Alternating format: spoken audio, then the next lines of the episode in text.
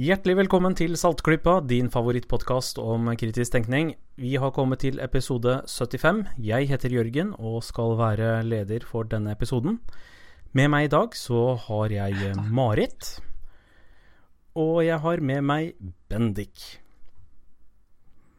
Hallo, hallo, hallo. Eh, og så ble dere helt stille. Jeg er også her. Hallo? Ja, har dere ikke hørt at jeg introduserte dere? Ja. Uh... Du ble robot. Du ble Jeg robot. ble robot. Er jeg fortsatt robot? Nei, litt, hvorfor skjer dette her nå? det er litt dårlig. Men det, vi bare svarte i det som vi hørte var riktig ute. Men vi vet jo ikke. Nei. Er det jeg som ler? uh... For, for høyt volum, ja. Vi er ikke.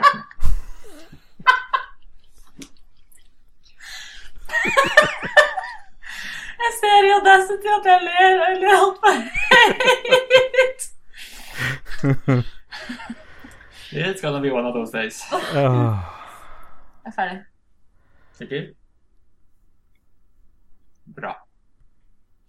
Once again from the top. This time with feeling. Ja. Vi regner med at opptaket eh, fortsatt durer og går som det skal.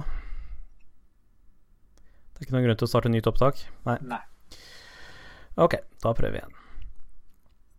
Hei, velkommen til Saltklypa episode 5, din favorittpodkast om kritisk tenkning og fornuftig tenking og alt det der. Vi prøver å gi deg noen nyheter på en litt bedre måte enn du får enkelte andre steder. Og kommer sikkert til å feile grusomt. Men sånn er det. Vi har kommet til episode 75. Jeg heter Jørgen og skal lede gjennom dagens episode. Og med meg i dag så har jeg Marit. Hallo, hallo. Hei. Og så har jeg med meg Bendik. Det er meg. Og jeg vil bare skyte inn helt på begynnelsen her at uh, for alle som er bekymret for uh, nettsidene våre og kvaliteten der, De som ligger åpne om natten, våkne om natten og tenker på det. de som ligger våkne om natten og tenker på det, ja. Det er vel stort sett meg, men uh, jeg gjør det i hvert fall. Vi har noen ganske kraftige problemer på nettsidene våre og RSS-feeden, som står for abonnementet på podkasten vår. Vi er fullt klar over problemet. Eh, jobber aktivt med å få dem fikset, og vil få det fiksa sånn cirka når denne episoden blir publisert, håper jeg. I hvert fall de åpenbare problemene. Jeg har en plan, og den innebærer dessverre at det vil ta litt tid å få alle de gamle episodene våre online igjen. Alt skal gå bra med å få abonnementet videreført til ny server, uten at du som lytter og som abonnent behøver å foreta deg noe som helst. Håper vi. Regner med. Men er det jo, nå er det jo sånn at uh, går det nå noen uker fra du hører det her til uh, du hører oss igjen, så kan du jo vite at det har skjedd et eller annet, og så ikke frike ut, og så bare logge inn og laste ned på nytt, så går det bra. Da kan du ringe statsministerens kontor, så ordner de det. Ja, Det er jeg helt sikker på. Men du, Jørgen, Ja, jeg så deg i avisen her om dagen, jeg. gjorde du det? Jeg gjorde det faktisk. Eh, Jeg tror i hvert fall det var ditt ansikt. Det kan jo ha vært et annet ansikt, f.eks. fjeset på Mars eller noe sånt noe. Ja, sånt skjer jo så fort. Ja, at du, du ligner jo litt på det fjeset på Mars, egentlig, syns jeg. Når jeg tenker over det. Men eh, jeg tror det var, det var deg og vår gode venn eh, Jan Ole Hesselberg, var det ikke det? Og så snakka dere om sånn pareido, pareidolia. Pareidoli, som det heter på norsk. Pareid- Heter det det på norsk? Ja. Ja, Den derre A-en er et en engelsk fenomen. Ok, jeg skal ta det til etterretning. Mm. Nei, vet du hva, jeg må si at det var skikkelig morsomt. Ikke bare fordi at jeg kjenner deg og Jan Ole, men eh, fordi det var så forfriskende å se en sak som er sånn skikkelig trivelig folkeopplysning. Bare sånn festlig kuriosa. Ja. Eh, snakke litt om eh, liksom hvorfor vi har det sånn, hvorfor vi ser ansikter overalt og, og sånn. Det var en, en fin sak, og hyggelige karer, får du si. Ja, nei, det var egentlig ganske gøy. Jeg ringte en journalist som eh, rett og slett selv var interessert i fenomenet, og hadde googla litt rundt, og så hadde han eh, funnet navnet mitt fordi jeg hadde vært ute og nevnt det på et eh, visst forum, og så ringte han meg opp og lurte på om jeg hadde lyst til å prate litt om det. Så- Kult. Ja, nei, det var kjempegøy. Han var ordentlig interessert og viste meg masse pareidoli-bilder han hadde tatt sjøl, da. Så, så herlig. Ja, ja. Han og barna føyk rundt og så ansikter overalt. Du, dette visse forumet, det var ikke tilfeldigvis skepsis.no-forum? Jo, det var visst akkurat der jeg hadde skrevet om disse tingene. Det er et sted eh, flere burde frekventere litt oftere. Jeg burde frekventere det litt oftere. Eh, men ja, det er et fint forum å bruke, særlig fordi eh, ting som sies der, det blir stående. Og i motsetning til alle disse diskusjonene som foregår bak kulissene på Facebook og sånn, og som forsvinner, det er veldig dumt, altså. Hvor man liksom får opp samme nyhetsoppslaget to ganger på en dag fordi ingen har scrolla de ti centimeterne nedover i feeden og så at artikkelen allerede lå der. Ja. Mens på forumet så er det litt lettere å gjøre søk, og ting blir liggende. og... Det er har skjedd flere ganger, og også det at eh, folk har blitt kontakta basert på ting de har sagt der, eh, når de har vært der med navn. da. Eh, Ja. Så veldig et bra sted å være, og ikke minst så er det innmari god informasjon som ligger der. Ja, Mange interessante tråder. Det er jo litt synd at det er en del som eh, tar helt av. Det kommer jo en del eh, som ikke er spesielt skeptiske, som skriver der, og de skriver fryktelig mye, så en del tråder blir jo ganske søplete. Men eh, totalt sett så er det bra, altså. Så bruk forumet. Cleaning up's a dirty job, somebody's gotta do it. Ja. Men altså, én ting er ansikter som man ser i naturen og overalt, og ser ansiktet til Jesus i rumpa på en hund og alt mulig rart som folk fortsetter å gjøre. Eh, Google det hvis, hvis man ikke har sett det. ja, nei, men altså, søk på Altså, man kan jo finne artikkelen, vi lenker til artikkelen i eh, episoden, så kan folk finne det sjøl. Um, ellers er det jo bare å søke på, på engelsk, særlig på 'faces in places' eller et eller annet sånt. Så finner du masse rart. Kjempegøy. Eh, men så er det jo folk som da ser ting eh, som ikke nødvendigvis er ansikter, men som ser eh, eh, det de har lyst til å se, f.eks. sjøormer i Loch Ness. Mm. Det har det jo nettopp vært en sak på. Noen har studert Loch Ness med karttjenesten til Apple. Og der har de funnet et gedigent sjømonster under havoverflaten, eller sjøoverflaten. Ja, men altså, nå, nå må jeg skyte inn her. Altså, når det er snakk om Apple sine kart, så kan man jo se alt mulig rart på dem. Feil nummer én. Altså, Apple Maps visste jo ikke hvor Gøteborg var engang når det ble lansert. Nei.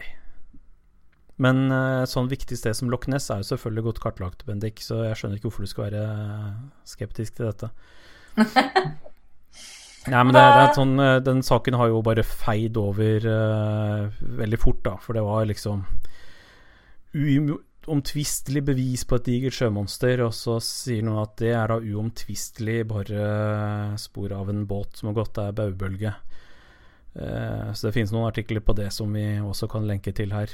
Det er ganske fascinerende å se hvordan noe som åpenbart er en båtbølge, eh, blir blåst opp som bevis på Loch Ness-monsteret. De har jo faktisk gjennomsøkt hele Loch Ness sånn, med båter på rekke og rad og sonar og det ene og det andre. Og, Gang på gang, Gang på, på gang, gang. på gang på gang. og fortsatt ikke funnet eh, noe snev av noe monster der. Det, det de ofte finner, er vel eh, otere.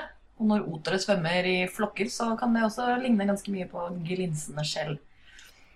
Så da, Vent. Det er mange otere Mange otere. som står på skuldrene til hverandre i et stort sjøormkostyme. Nei, nei, er ikke sånn. Når de svømmer etter hverandre, litt sånn uh, i en flokk, i en flat flokk, som svømmer bortover. Flat flokk. Ja, nesten som en fiskestim. Altså, altså, ovenfra ser det jo flatt ut. Det. Altså, du ser dem jo i ett nivå, og da kan de se ut som én stor ting istedenfor mange små ting. Det er mange som eh, har observert eh, otere eh, som ligner veldig på sjømonstre.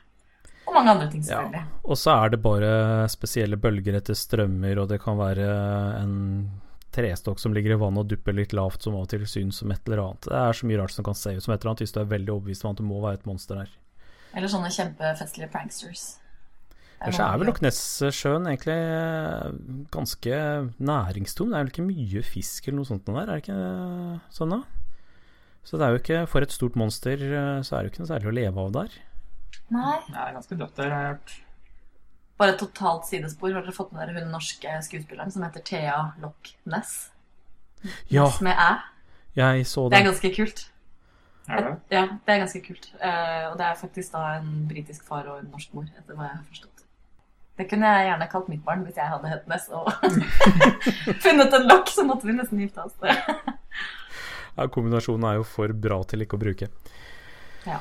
Ja, men altså um, Det var jo eh, for to episoder siden så snakket vi også om å lure sansene. Da var det Kristin som snakka om uh, dette eksperimentet hvor du eh, tar en person som skal legge den ene armen oppå, eller begge armene oppå bordet, men så skal den ene armen være skjult med en skillevegg, og så legger man en plastikkarm synlig, sånn at den ser litt ut som den er der du eh, tror håndene de skal være. Og ved å gjøre en del sånne innledende øvelser, så får du følelsen at det er den plastikkhånda er faktisk din egen hånd. Mm. Så når man uh, kiler den litt og sånn, så begynner du å kile i den egentlige hånda di, og ja, ordentlig morsomt. Uh, altså, jeg har tenkt veldig mye på dette her med å sanser som lures i det siste. Så annet pga. at jeg har blitt intervjuet om eh, pareidoli og sånn. Og sånn helt apropos dette her, da, så eh, bare sånn konklusjonen i den, det innslaget var du kan ikke stole på sansene dine. Mm.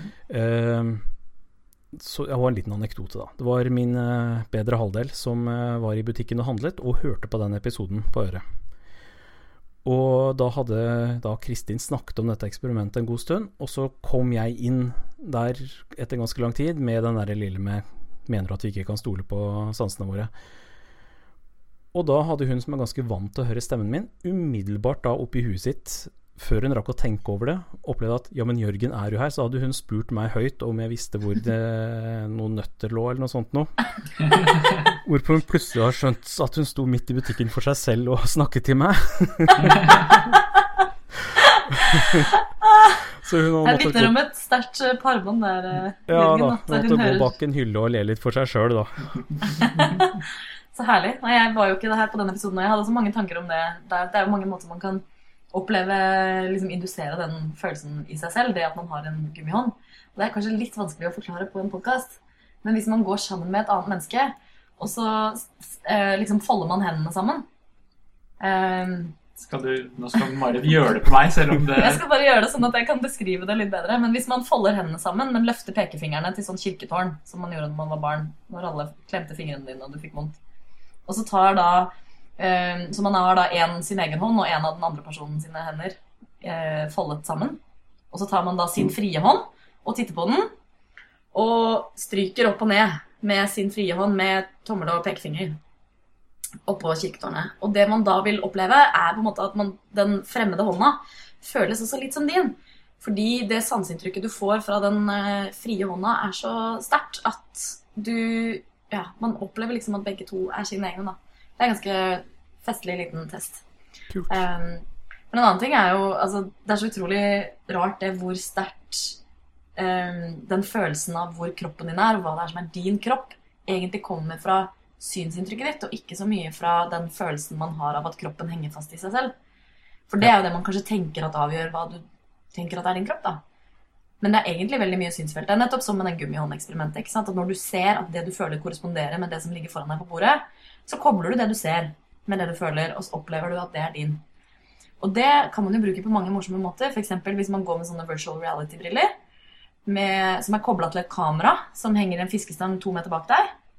Så flytter du bevisstheten din til der hvor det kameraet henger og dingler, to meter bak deg. Så kan du gå og føle at du selv befinner deg to meter bak deg selv. Du kan rett og slett gi deg selv en ut-av-kroppen-opplevelse. Det tar ikke så veldig lang tid heller før du, før du blir vant til det. Nå som uh, disse virtual reality-brillene har begynt å bli billige og gode og ikke minst tilgjengelige, så leste jeg noen uh, artikler om uh, noen som hadde på seg det, og et kamera kobla på der hvor øynene dine vanligvis ville vært, sånn at du bare så gjennom brillene. Og så induserte de et, ett sekunds forsinkelse gjennom hva som ble gjort, til Oi. når du fikk se det. Oi. Sånn at hvis jeg rørte på armen min, så kunne jeg kjenne liksom at jeg gjorde det, men jeg så det ikke før et sekund etterpå. What? Og alle som prøvde det, rapporterte at det var noe av det merkeligste de noen gang hadde opplevd. Og det var helt umulig å gjøre disse mest enkle og banale tingene. Som å liksom plukke opp en, et objekt som sto på bordet foran deg. Ja. Når, det du, Synsfeltet. når synsfeltet er ett sekund eh, forsinket i forhold til hva du prøver å gjøre, var det helt umulig. Det virker helt forferdelig. Åh, nei, jeg blir nesten kvalm bare av tanken. Og, og de har også gjort eksperimenter med å um, ta på seg sånne. Dette kan man også gjøre med speilbriller. Og så snu synsfeltet opp ned, Akkurat jeg skulle til å nevne. sånn at du ser verden opp ned. Da får du sånne prismebriller som er litt sånn trekanta, sånn at du ser eh, Ja. Og, og visstnok så tar det faktisk ikke så veldig lang tid, noen timer liksom bare, Før... Før, det er visst helt forferdelig, de timene, men eh, så er det gjort. Så etter de, etter de timene så tar hjernen din og blir vant med det. At bildet ditt kommer inn opp ned. Sånn at da begynner det å føles litt greit igjen. Da kan du sykle og gå rundt og spille fotball og sånn, for da har hjernen liksom rewira seg, gjeninnstilt seg, rekalibrert seg på hva som er opp og hva som er ned. Og så har du samme tilvenningsperiode når du tar brillene av igjen. Hva, gjør vi med dette her? Altså, det virker bare så gøy. Litt forferdelig. Ja, ja. Uff a meg. Ja, nei, men uh, når vi snakker om uh, å tulle med virkeligheten sin, kanskje greit å snakke litt om litt objektive virkeligheter også.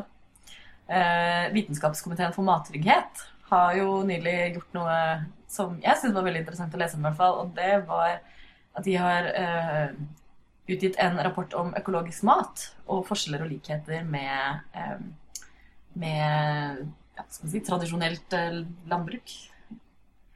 Og det det er, noe, det er en avklaring som eh, jeg tror verden trengte. Eh, ja, det Det der med økologisk mat er jo noe som eh, det er knytta veldig mye idealisme til. Og jeg har jo vært i mange diskusjoner og krangler med folk som eh, mener at det er så mye sunnere, og det er så mye giftstoffer i vanlig mat osv. Så, videre. Så eh, å få rydda litt opp i hva som er virkeligheten her, det, det er viktig. Mm. Det, altså, når jeg har studert uh, biologi, så har vi jo snakket om det at uh, det er jo enkelte ting Det er jo en del pester og plager som vi har klart å få bukt med, nettopp pga. at vi har begynt å sprøyte ting, og at vi har uh, industrialisert landbruket på en måte som, som skiller seg fra det økologiske. Da. Eh, meldrøye, med en sånn sopp som gir deg hallusinasjoner, liksom, som er opphavet til begrepet rent mel i posen. Som ga deg liksom sånn sot eh, og grått mel. Um, og, og, og ja, mange andre insekter og skadedyr som eh, går løs på avlingene våre. Men samtidig så Ja, så liksom, det er jo ikke et enkelt bilde, egentlig. Uh, men man får jo ofte det inntrykket at det handler om hva som er naturlig og sunt og vakkert og skjønt, og liksom den, det industrielle landbruket på den andre siden. Så det er kjempebra å få en rapport uh, om det, da. Og det som de kanskje ikke så veldig overraskende konkluderer med, er at uh, det er ikke så veldig store forskjeller mellom økologisk og, uh, og tradisjonelt landbruk. Bare når man ser på helse, f.eks. Nei, det de ikke har tatt opp, er jo hvordan det påvirker jorda, og altså det som egentlig er økologien, da. Det som Ja, er miljø, rundt eh, miljøkonsekvenser og bærekraftighet er manglende. Eh, Det, de, er, de har rett og slett ikke oppdraget deres for denne undersøkelsen, så det er det jo ikke noe klart svar på. Men uh, der er det jo også noen sånne problemer som uh, jeg tror mange ikke har tenkt over.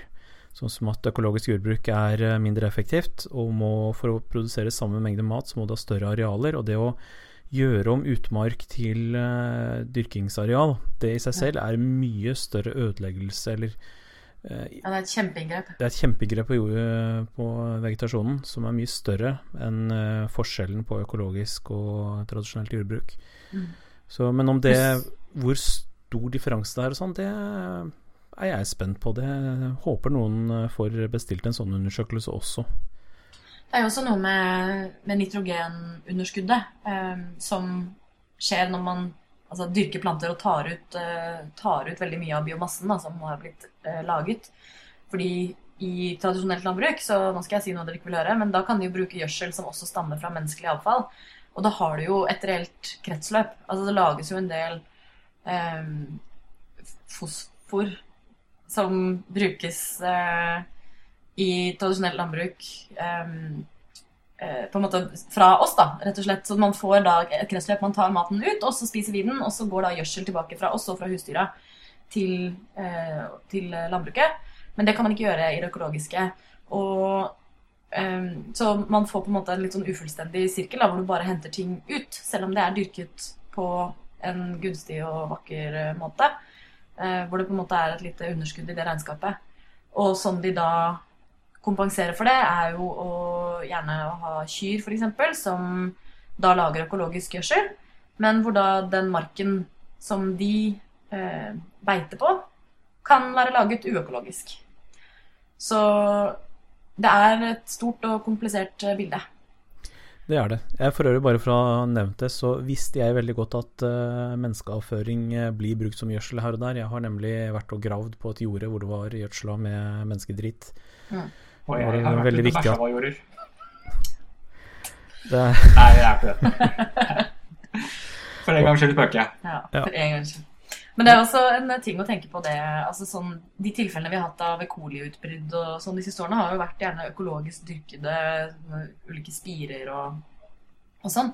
Så det har jo også vært en frykt for at økologisk mat er mye eh, dårligere produsert, fordi at den rett og slett har høyere forekomster av ting vi egentlig til vanlig sprøyter for. Men eh, der også er det ikke så store forskjeller som man skulle tro. da. Altså Risikoen for å spise økologisk er ikke noe verre enn eh, konvensjonelt produsert mat. nei, noe av det jeg syns var veldig interessant, var det med dyrevelferd. At eh, de mener at det ikke er noen vesentlig forskjell på økologisk uh, dyrehold og um, konvensjonelt dyrehold i Norge, vel å merke. merke. Ja, i Norge, vel å merke. Det er Ja. sant. Fordi det er jo Internasjonalt så er det jo ganske mange som kjemper hardt for økologisk eh, landbruk. Og da er det ofte dyrevelferd inne i bildet, og i en del land så er det helt sikkert eh, mer reelle forskjeller enn det det er her. Så Mm. det er en del sånn eh, internasjonal kampanjeting som rett og slett ikke stemmer for Norge.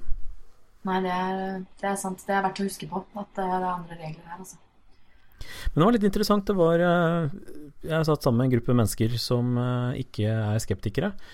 Og så var det noen som tok opp dette her temaet med at neimen, Nei, men har du hørt om at eh, økologisk mat ikke er noe sunnere enn eh, annen mat? Og så ble det en diskusjon rundt det som jeg eh, først prøvde å ikke involvere meg. Jeg syntes det var interessant å høre på hva folk hadde å si.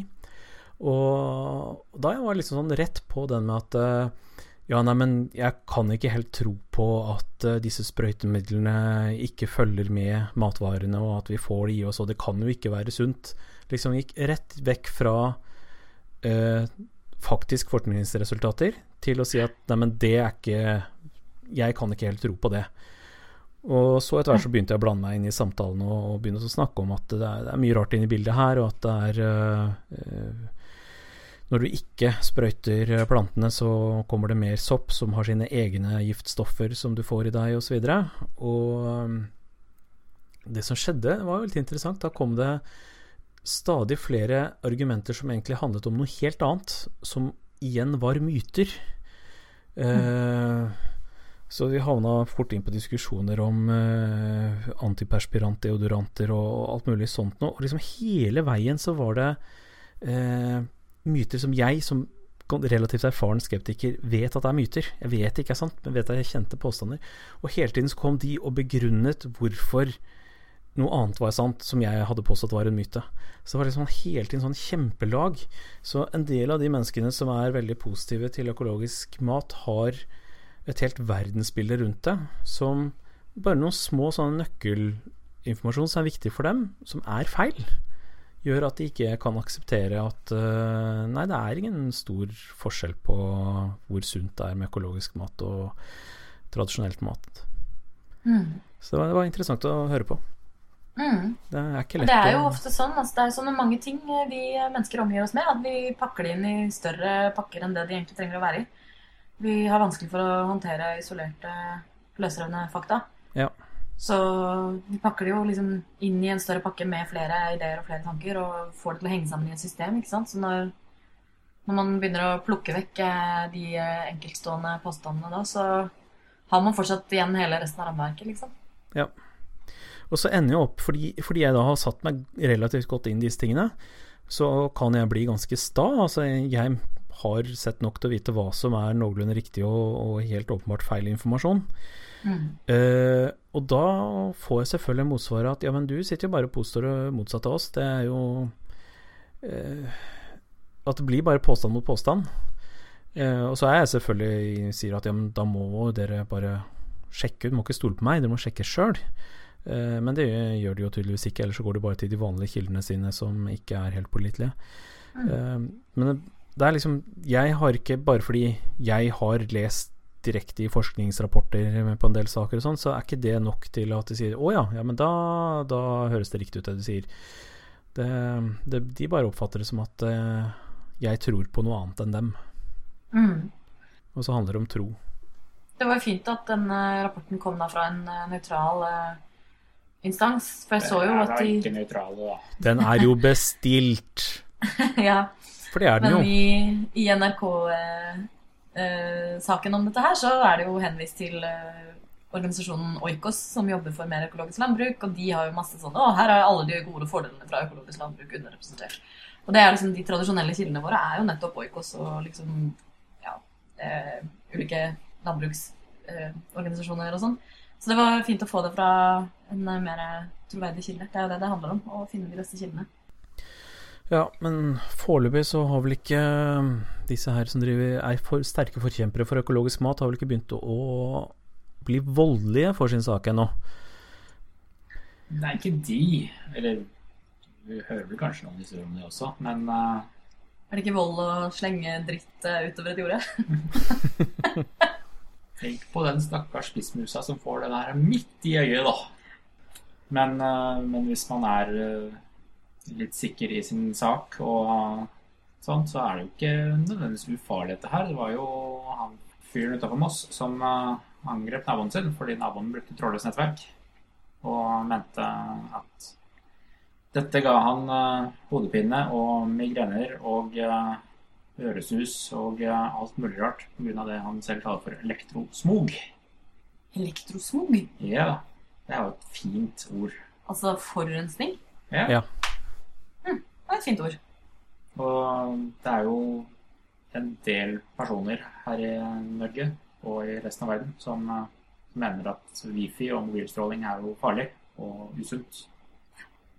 Og de tenker jo I min verden så blir det bare Æ, stråling! Æ, stråling, stråling, stråling! Og det høres jo veldig, veldig kjent ut, egentlig. Mm. Alt som er av stråling, er jo farlig. Mm. Vi har testa dette her sønder og sammen, og man kan ikke merke wifi-stråling på noen som helst måte på kroppen. Det er ikke på noen bølgelengder som kroppen reagerer på. Og det er ikke så kraftig at kroppen legger merke til det på noen som helst måte. Og også de som påstår å være følsomme, har vært testet separat. Altså de har vært testet alene og klarer ikke å plukke Altså i en blindtest så klarer ikke de å skille et rom med wifi fra et rom uten wifi. Så det er jo merkelig at de da klarer å skille det når de vet at det er der. Det vitner jo om klassiske ting med et psykisk aspekt. Um, eller nocebo-effekt, altså at man forestiller seg Man får negative effekter. Man opplever negative effekter av noe som man tenker at vil gi en en negativ effekt. Selv om det ikke rent fysisk gjør det. Ellers er det jo litt sånn vage plager som man eh, er desperat etter å finne en årsak til, og så blir det det man frykter som blir framstilt som årsaken, selv om det kanskje er noe helt annet. De har jo åpenbart problemer, de som sliter med dette her. Mm. Spørsmålet er bare hva er problemet? Mm. Og det er eh, all sannsynlighet tilsier at det kan ikke være den elektromagnetiske strålinga. Det er ganske interessant. Det er liksom en litt annen type problemer fra eh, overtro enn det vi er vant med. Dette her når, når det er en eh, person som så sterkt mener noe irrasjonelt, at han eh, angriper naboen sin voldelig. Altså, man tar de ideene sine og setter de ut i livet, rett og slett. Det minner jo litt om eh, Husker dere han russiske fyren som hadde vært hos en spådame? Som sa at han ville komme i fengsel. Og så ble han så sur og opprørt at han drepte spådamen og havnet i fengsel. oh, Nei, det hadde jeg ikke hørt om. Noe av dette her blir jo selvoppfyllende profetier. eh, Lett som bare det, da. Der har du egentlig Altså Tenk hvis han ikke hadde gått til spådamen, så hadde jo hun for det første aldri sagt dette, men han hadde jo da sannsynligvis heller ikke havnet i fengsel. Så eh, ja, vokt deg for din spådame. Ja, det er jo for øvrig nylig kommet en ny sånn undersøkelse her i Norge om eh, strålingsfare, da. Så det er eh, nok en undersøkelse som har gått gjennom det. Eh, den er vel ikke publisert ennå, men det er skrevet om noen steder, så vi kan lenke til det. Der har de bl.a. da testet eh, folk som påstår å være overfølsomme, og som ikke kunne påvise riktig når de ble utsatt for stråling, når de ikke selv kunne se kilden. Jeg syns jo det var gøyalt uh, etter eh, Fukushima-ulykken for et par eh, år tilbake. Eh, både så kicket jo mediene inn i høygir og hadde atomsymboler på forsiden eh, hver eneste dag. Og det tror jeg de elsket eh, og hadde gossa seg med hver eneste dag når de eh, kreerte forsidene sine. Flott eller atomkraft. Her har du Der har du norske medier i et et nøtteskall, ja. Eh, Men eh, hvor etter, eh, etter ulykken så var jo alle så redde for at man blir jo strålet sønder og sammen av å være i Japan. Så man fløy jo tilbake til Norge. Men ironien er jo selvsagt at en, man får en mye større dose stråling ved å fly, for da er man oppe i tynnere atmosfære enn når man er her nede. Så man får faktisk en stor stråledose av å fly. Eh, Jeg vet ikke hvor mange milli-tsjernobyler det måles i eh, det å ta en flytur, men eh, det er noen i hvert fall. Og også her i Norge så har vi ganske høy bare bakgrunnsstråling Mm. pga. alle de rare mineralene og Radonkilder og radonkilder som vi har i fjellene våre især. Mm. De er fullt målbare, og Norge har høyere passiv bakgrunnsstråling enn hva det var i Japan etter ulykken. Så man utsatte seg selv faktisk for en større stråledose ved å fly tilbake til Norge. Både fra flyturen Det var vel de fra ambassaden i Tokyo. Altså I Tokyo er det lavere bakgrunns... Men det var jo rett rundt området var det jo litt høyere. Ja, Men, ikke, men det var fortsatt ikke eh, så skremmende som man fikk inntrykk av. Men vi har det i hvert fall på verdensscenen så har vi det ganske høyt her i Norge i hvert fall. Mm. Og det er jo den store ironien, selvsagt. Mm. Ja. Ehm, ah, det var vanskelig å komme på en Segway derfra. Beklager. Da må Bendik eh, kanskje klippe ut litt her. Men eh, jeg har veldig lyst til å snakke om en ting, jeg, folkens. Jeg vil gjerne snakke om at eh, vitenskapen også kan ta feil. Nei, nei, nei, nei. Hva? Nekter jeg å høre på. Den kan ikke det. Nei, Dogmatisk, nei. kan den ikke det? Er du helt sikker? Helt sikker. Vitenskapen er alltid rett. Den er ufeilbarlig. Sånn etter at den har rettet seg selv et par ganger. Ja. Nei, altså Vi har jo snakket om et par ting som, hvor man trenger å ha litt objektive mål. da. F.eks.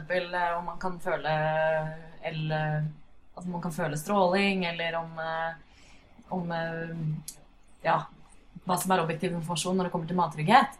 Men jeg leste en veldig interessant artikkel her om dagen som viser at eh, vitenskap også driter seg ut litt noen ganger. Um, og det er når det kommer til Altså, Sånn vi mennesker gjør forskning på utrolig mange ting, er jo dyreforsøk. Synd å si det, men sånn er det. Vi forsker veldig mye på mus og rotter. De er veldig greie dyremodeller. De er lette å håndtere. De krever ikke så innmari mye mat og mosjon. Og, og er stort sett greie med oss mennesker. Har korte livstider, sånn at eh, vi kan følge generasjonene deres og utvikling over tid på, på en rimelig og enkel måte. da. Så vi slipper å vente hele, flere livstider for oss selv. Men eh, noe av museforskningen som har vært gjort, har jo de siste årene blitt kritisert for, for at eh, de musene kanskje ikke er så representative. F.eks. For fordi at de musene og rottene som veldig mye av forskningen gjøres på, er basically de, en fysiologisk eh, sammenlignbar med en sofagris. En menneskelig sofagris. Hvorfor Fordi- ser du på meg nå? Fordi de dyrene de bor jo i ganske sånn passe små eh, bur. De har jo sånn eh, hjul- hjul til å løpe i, men de løper jo ikke så mye der. Og så får de også mat og drikke etter sitt hjertens lyst. Noe som gjør at de stort sett ofte blir litt overvektige. Så når man driver og tester blodtrykksmedisiner og kreft og sånne ting, så gjør man egentlig det på sofagriser, og ikke på sunne, friske individer. Det er jo da bare representativt for den norske befolkningen, da. Ja, så det, det er jo det er noe man må tenke over, i hvert fall når man skal overføre prinsippene man bruker, eh, til mennesket.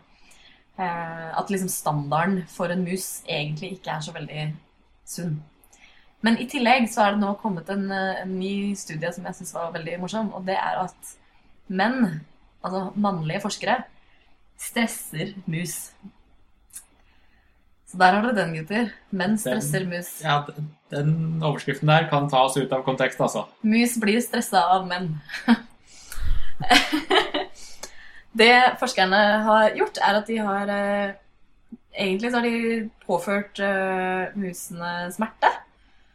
Og så har de sjekka eh, hvor mye Ja, altså de har jo sjekka etter ulike sånne smertehormoner og sånn. Men det de har oppdaget, da, er at når eh, menn håndterer musene, så har de konsekvent lavere smerterespons enn det de har når kvinner håndterer de. Nesten 40% lavere, sto det eh, i artikkelen. Eh, og så er det jo det fantastiske sitatet fra artikkelen. Based on pain levels analyzed using the mouse grimace scale. Altså å bruke mus uttrykksskalaen. Så eh, Og det, det samme, samme effekten opplever man også hvis en eh, T-skjorte som en mann har gått med, er i samme rom som dyrene. Noe som tyder på at det har noe med lukt og sånn å gjøre. da. Noe kjemiske, kjemiske reaksjoner, rett og slett. Eller kjemiske signaler. Eh, men så det de tenkte på er jo det er jo litt merkelig at, eh, de, så, at de blir så mye roligere, liksom. At de ikke blir stressa, at, at de ikke føler smerte når menn er i rommet. Så testet de for en del andre signalstoffer i blodet deres og oppdaget at musene var så stressa når mennene var i rommet. Da hadde de så mye høyere stressresponser at det undertrykker smerten. Så rett og slett, så hvis man er skikkelig stressa Du vet jo det hvis du liksom blir eh, kjempestressa og banger beinet ditt i bordet, så merker du ikke den smerten for etterpå fordi du har adrenalinrush og sånn.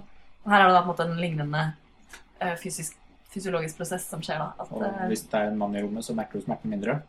Nettopp. For da er du så stressa at du er mer fokusert på at du er stressa enn at du har vondt. Da begynner jeg å få en god businessidé for et uh, nytt uh, preventivt smertestillende. Bestille en mann. At jeg går og følger etter folk. Uh, Ja, det gjenstår vel ennå å se om dette er overførbart til mennesker. Jeg tviler strengt tatt på det, fordi jeg tror ikke nødvendigvis alle jenter blir så veldig stressa Og... og jeg kan gjøre dem stressa. Trust me. Men her er det i hvert fall en, en systematisk eh, feil som ganske nylig har blitt oppdaget. Eh, som egentlig kan ha relativt store effekter på en del forskning som gjøres. Eh, på ulike fysiologiske prosesser og, og sånne ting. Eh, men det som er så fint, det er jo at når man liksom har sånne studier, og så tenker man bare åh gud, hvordan har vi klart å rote til noe så enkelt som liksom å måle smerte hos mus? Så viser det seg jo at vi finner jo ut av det. Til og med noe så banalt som, eller noen så liten forskjell som det. da, At det er forskjell på om det er en mann eller dame som er forskeren i det forsøket. Det er jo ikke en variabel man vanligvis pleier å tenke på som relevant. Så vi har søren meg klart å avdekke det òg. Så vitenskapen eh, tramper videre, den. Ja, nei, det er jo det som er det fine, at eh, vitenskapen er selvkorrigerende. Mm. Og det, så vidt jeg klarte å skumme gjennom den artikkelen jeg leste om den saken her, så hadde vi virkelig undersøkt mye når det først kom på sporet og at her er det en effekt vi må undersøke. Vi hadde gjort Absolutt. det grundig, så Ja, nei, Ja, er har gått, eh, gått løs på det med, med mange metoder og, og undersøkt flere variabler og sånn. Jeg, jeg må si, Da jeg studerte eh, biologi, så hadde jeg veldig morsomt eh, kurs på bachelor, hvor vi, bachelornivå, hvor vi gjorde en litt forskningsmetode. Og da var da Mitt forsøk var basert i å skremme kyllinger. Eh, og det er veldig mye rar forskning som foregår der ute. Altså jeg, I forbindelse med det forsøket der, da, så leste jeg en hel haug med papers om hvordan man best kan skremme kyllinger, og hvordan man kan måle deres fryktrespons. Og igjen, der trodde jeg du skulle si at uh, når du skulle skremme kyllinger, så skulle du lese skrekkhistorier for dem. At du skulle sitte og lese Po eller noe sånt noe for kyllingene. Og så hadde jeg tenkt å kommentere så ja, du er klar over at kyllinger ikke forstår norsk, Marit? Ja, men du vet at uh, Poe han eh, skrev jo ofte om rovfugler, ikke sant? Og en av tingene vi skulle gjøre for å skremme disse kyllingene, var å klippe ut en, sånn pappfigur av en uh, hauk og liksom bare sende den sånn sakte over uh, den lille boksen vi hadde de oppi. Da ble de veldig stressa. Dette, Det likte de ikke. dette her er sånne der, saker som visse subkulturer i, i samfunnet vil elske å høre om hva, hva skattepengene og forskningspengene våre blir brukt til. Ja. De blir brukt til å skremme kyllinger, og hun Ja. sitter der bare og klipper ut hauker av papir, og hun skulle være en seriøs forsker. Ja. Ah! For ikke å snakke om det dyreplageriet som jeg jo faktisk utførte. Da. De, Ja. Det vi testet, var jo om personligheten deres korrelerte med læreevne. Om det å være fryktsom eller modig eh, hang sammen med om de var eh, kjappe til å lære at den maten som var merket Altså vi ga dem liksom stripete mat, og den var eh, kokt i, eh, i sånn sennepsblanding som gjorde at den smakte skikkelig vondt for dem.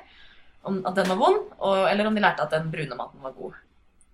Og vi fant jo at det var faktisk en viss eh, sammenheng der mellom at de som var modige, også lærte litt fortere. Hvis jeg husker rett. Det er ikke sikkert at jeg gjør. For, for, for det første, tusen takk for den den veldig eh, gode konklusjonen. At det kan ha stemt. Det behøver ikke å ha stemt. Du vet ikke. Og nå skjønte også Bendik hvorfor så mye av maten hans var malt i rare farger.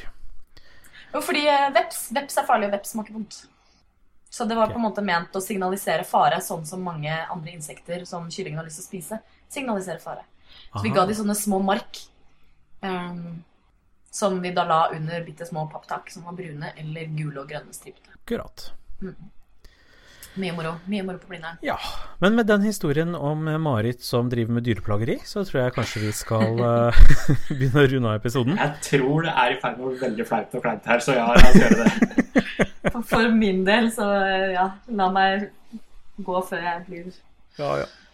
Vi har vel alltids noen anbefalinger, om ikke så mye som vi pleier. Eh, Jeg har hørt nyss om at det skjer interessante ting i det norske skeptikermiljøet sånn bak kulissene. Noe vil komme fram i løpet av eh, ganske nær framtid. Eh, Jeg kan ikke si helt hva det er. Beklager. Men eh, det er en sak på gang som man regner med vil få en del nyhetsdekning og sånn, så innen neste episode kommer ut, tror jeg at folk vil vite hva det er jeg sikter til.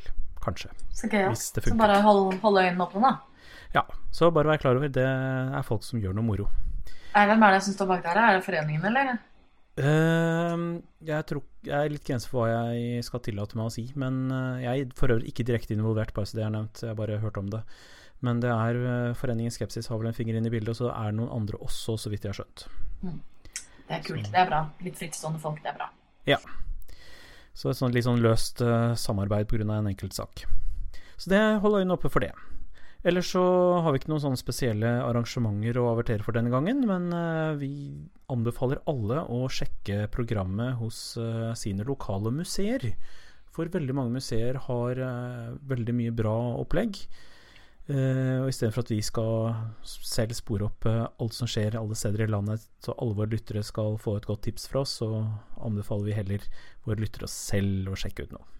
Så vi er, vi er late. Men det er jo sant, altså det skjer jo innmari mye, og det er litt forskjellig hva man syns er gøyalt. ikke sant? Altså Noen museer så har de liksom kunstutstillinger, eh, sånn som de har på Naturhistorisk museum i Oslo nå. Og noen museer så har de kanskje noe kveldshappening, og noen museer så er det kanskje noe eh, omreisende greier som er på besøk. Og da er det vel verdt å titte på det, og så se hva som passer med din timeplan. For det er mer enn vi har anledning til å nevne, rett og slett, som skjer der ute. Absolutt. Samme med universitetene også. De har også ofte vel, eh, åpne arrangementer som er tilgjengelige. Populærvitenskapelige foredrag, kan være intervjuer med folk som skjer i bokhandelen eller på kafé. Eller... Det er mye fint. Følg med. Og hvis ikke det passer, så går det an å se på TV. Eller lese en bok. Beklager, jeg hadde ikke noe mer å by på. Eh, Da er det på tide for oss å takke for denne gangen. Det har vært eh, hyggelig å ha dere med på reisen vår. Eh, Hvis dere har noe dere vil eh, si til oss, og det må dere veldig gjerne gjøre, hvis dere har tips eller klager eller hva som helst, så kan dere sende oss en e-post til post.saltklypa.no. Eller dere kan finne oss på Twitter, Facebook og Google Bare søke på Saltklypa, så finner du oss. Ja, og igjen nevne at vi får løst de tekniske problemene med nettsiden våre ganske snart. Ja, så følg med. Vi, hvis det skjer noen viktige tekniske ting, så vil vi eh, formidle beskjeder på de arenaene vi er på. Så følg med på ditt favorittsosiale nettsted, så får du vite hva som foregår. Og i ørene dine. Og med det så sier vi takk for oss. Ha det bra. Ha det bra. Ha det bra!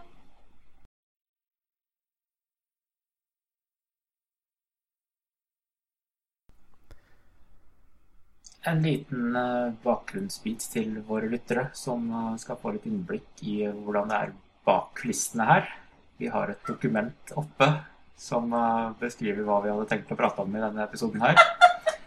Og eh, siden vi har sittet og pratet om, så mye om, om mus, så har vi har en Ja, under, eh, under overskriften 'anbefalinger' så sto det bare at eh, vi skulle be alle om å sjekke museene i sitt område. Det skjer ganske mye der. Marit har eh, Det var ikke meg, det var deg. Det var Marit. Hun har gjort ordet 'mus' i museer til bold og litt større skrift i dette dokumentet, og nå sitter hun og fnitrer og prøver å holde seg selv fra å Nei, det gjør jeg ikke. Nei, det gjør jeg ikke. Og sitter og prøver å ikke bryste ut i latter. Nei, jeg er helt rolig. For dette her er 100% Marits rolig. eh, store form for humor. Nei.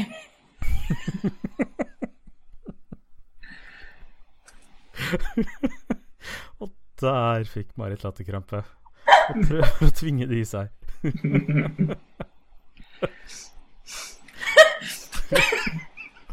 Ikke flytt kameraet, Bendik. Jørgen, jeg roterer kameraet slik at du kan se Marit nå. Jeg ser det veldig godt. Jeg har sjelden sett Marit så rød.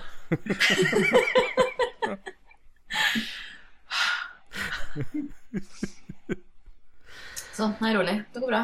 Mm. Sikker? Nei. Det er det som er det fine her. Altså, jeg, nå Marit har begynt å le, så behøver man ikke gjøre noe mer for at hun skal fortsette det. Bare se på henne.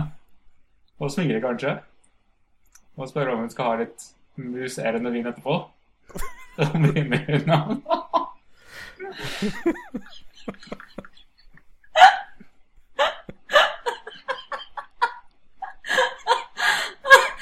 Å, gud. Jeg trodde du skulle si noe mye dårligere enn det. Men så er det, den var god. Kudos for den. Du har en veldig musikalsk latter. Og sånn kan vi sitte utover resten av kvelden.